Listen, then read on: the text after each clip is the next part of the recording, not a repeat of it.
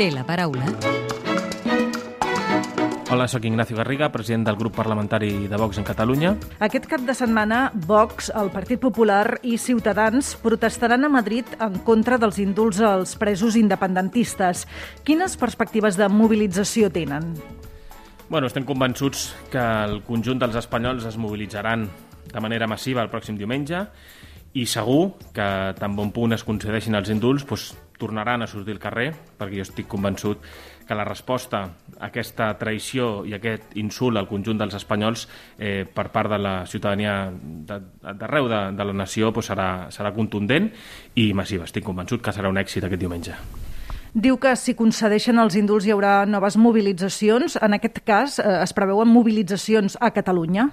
Sí, de fet tenim constància ja de que hi ha eh, associacions, moviments eh, associatius de, de Catalunya que ja tenen previst convocar eh, una manifestació crec, si no recordo malament, per principis de juliol. Eh, no faré l'espoiler perquè ells volen tindre l'exclusiva per comunicar-lo, però ja ens han fet corresponsables o partíceps eh, de, la, de la imminent convocatòria i com no pot ser d'una altra manera, Vox, com ja va, ja va anunciar aquests dies, recolzarà totes aquelles mobilitzacions que convoqui la societat civil. I per tant estarem allà i donarem suport i animarem a tots els catalans a que, a que acudeixin. Per això s'han desmarcat de la concentració de ciutadans a Barcelona? Sí, efectivament. Nosaltres eh, considerem que aquest tipus de mobilitzacions, igual que, que a Colón, on estarem tots els representants de Vox eh, donant recolzament a la manifestació, han de ser mobilitzacions que lideri la societat civil. A banda de les mobilitzacions, en cas que el govern de Pedro Sánchez acabi concedint aquests indults, el seu partit què més farà? Bueno, doncs, com ja vam anunciar, presentarem un recurs al Tribunal Suprem i també eh, posarem eh, coneixement d'instàncies judicials, de fet denunciarem a tot el Consell de Ministres per un possible delicte de prevaricació administrativa. El president de la Generalitat, Pere Aragonès, i el president del govern espanyol, Pedro Sánchez, han reobert la via del diàleg. Aquest mes es reuniran tots dos a la Moncloa i posteriorment es convocarà l'anomenada taula de diàleg entre els dos governs. Com veuen aquest espai de negociació i aquesta nova etapa de desglàs a les relacions? Bueno, ens, ens sembla que és una autèntica presa de pèl. No es pot parlar d'una mesa de diàleg, és una mesa de traïció i de rendició de l'estat espanyol enfront al separatisme. Nosaltres estem radicalment en contra i ens sembla que és un insult al conjunt dels espanyols que eh, el govern de la nació se senti amb els responsables dels delictes més greus comesos en els últims anys. Pel que m'ha dit, algú podria interpretar que Vox està en contra del diàleg polític?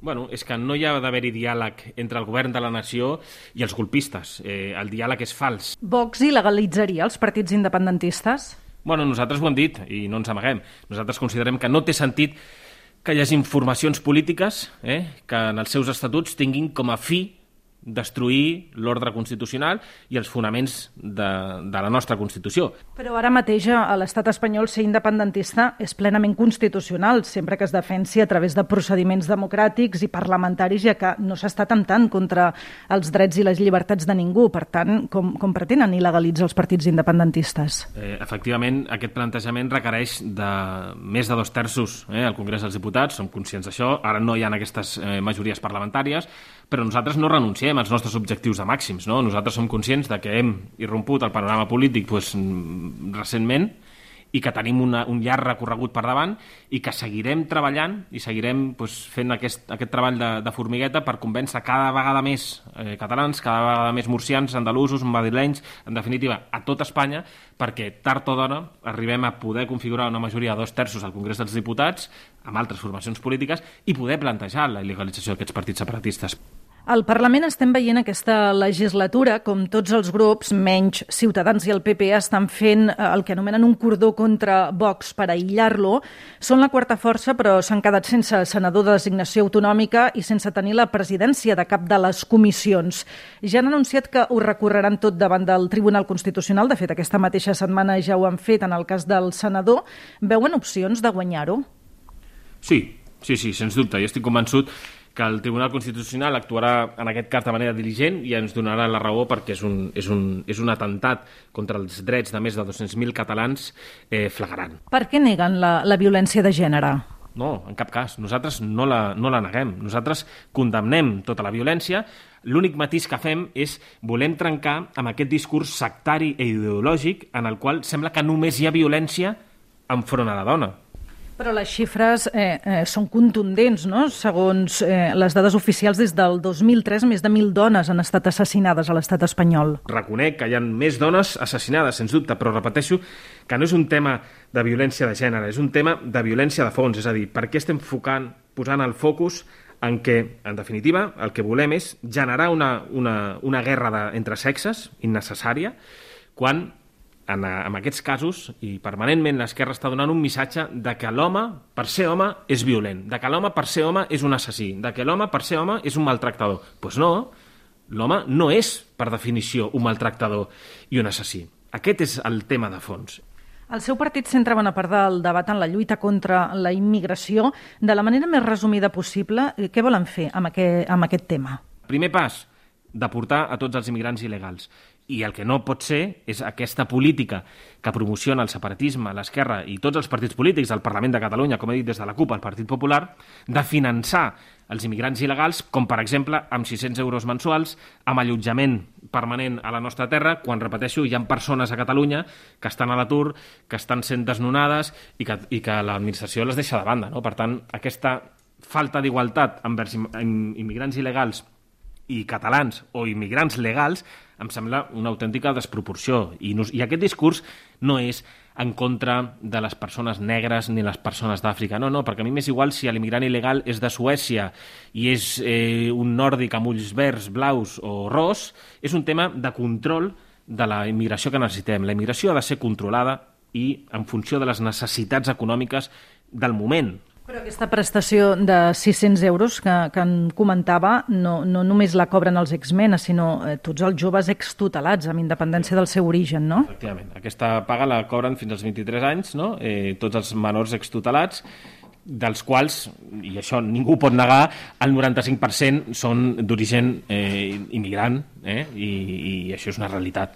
Si li sembla bé, ens endinsem ara en el terreny més personal. Li demano si pot contestar amb respostes al màxim de breu possibles a partir d'ara. Què fa un odontòleg, com vostè, en política? Pues intentar millorar la societat i el futur de cara als meus fills, fonamentalment. Donar la guerra cultural perquè els meus fills, quan siguin més grans, vegin una Catalunya i una Espanya molt diferent que la que estava veient el seu pare. M'han dit que va ser delegat de classe dels 6 als 18 anys i ja tenia clar aleshores que es dedicaria a la política? O no, eh, això respon a que sempre tenia aquesta inquietud d'intentar millorar el que m'envoltava i ara resulta pues, que em toca fer-ho també des de la política. Vostè va militar al Partit Popular. Per què va fer el Vox?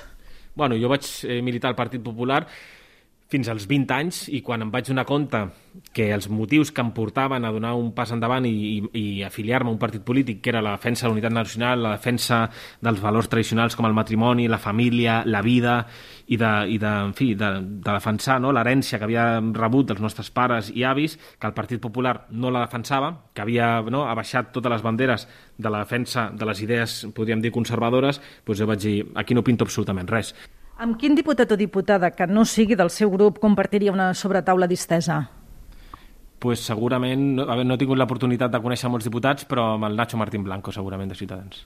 Digui'ns un defecte. La impaciència. I una virtut? La generositat. I ja per acabar, completi la frase següent. El que més m'agradaria del món és... Poder presidir el govern d'Espanya. Ignacio Garriga, president de Vox al Parlament, gràcies per respondre a l'entrevista de l'Hemicicle de Catalunya Informació. Ha sigut un plaer.